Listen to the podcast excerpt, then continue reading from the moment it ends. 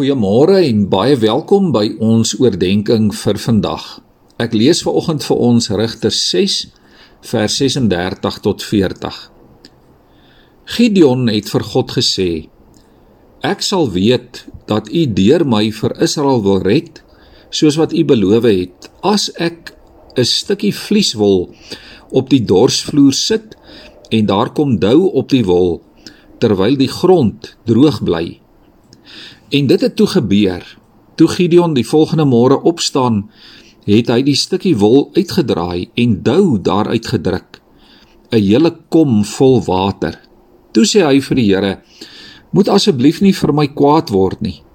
Ek wil nog 'n keer iets vra. Laat my tog net nog een toets met die vlieswol doen. Net die wol moet droog wees terwyl daar oral op die grond dou is." Daardie nag het God dit toe so laat gebeur. Net die wol was droog en oral op die grond was daar dou.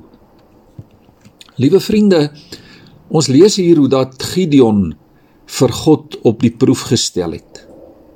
Dat hy God nie 100% vertrou het nie. Dat hy probeer het om sake in sy eie hande te neem en om God so te manipuleer. Dalk het Gideon dit nie so bedoel nie, maar sy optrede wys dat hy gehuiwer het om die Here op sy woord te neem. God het vir Gideon gesê dat hy namens sy mense sal veg.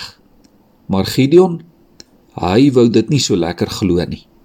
Hy het bewyse en tekens gesoek dat God teenwoordig is en dat God in beheer is. Aan die begin van sy aardse bediening het Jesus voor 'n baie groot uitdaging te staan gekom. Die duiwel het Jesus probeer versoek om ook sake in sy eie hande te neem. Om God se plan te probeer sy stap. Sy vertroue in God is daardeur getoets. Die duiwel se tydsberekening was nogal goed want hy probeer Jesus versoek toe hy fisies en menslik gesproke swak was. Na 40 dae sonder kos daar in die woestyn wil die duiwel sien hoe Jesus klippe in brood verander. Dit sou beteken dat hy nie die Vader vertrou om vir hom te voorsien nie.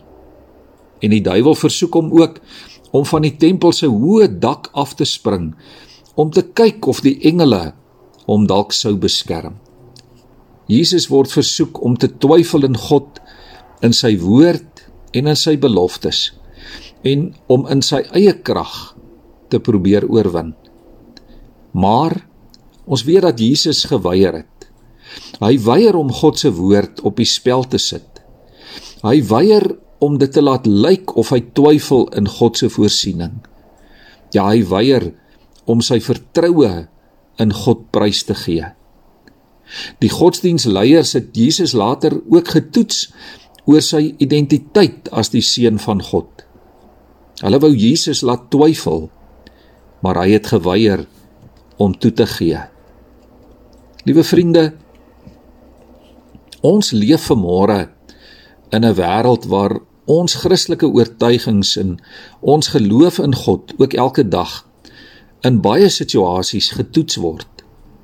In die versoeking is dat ons ook sal twyfel. Dat ons sal twyfel in die getrouheid van God. Dat ons sal wonder of God regtig vir ons sal voorsien.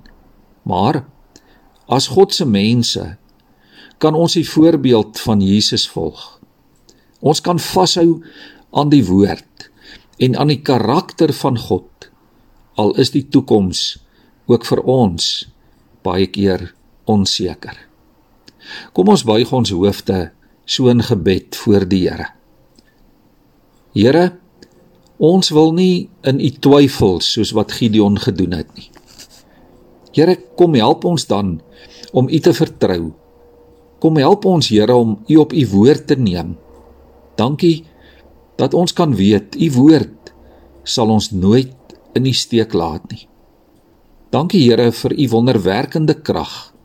Dankie vir U volmaakte tydsberekening. Amen.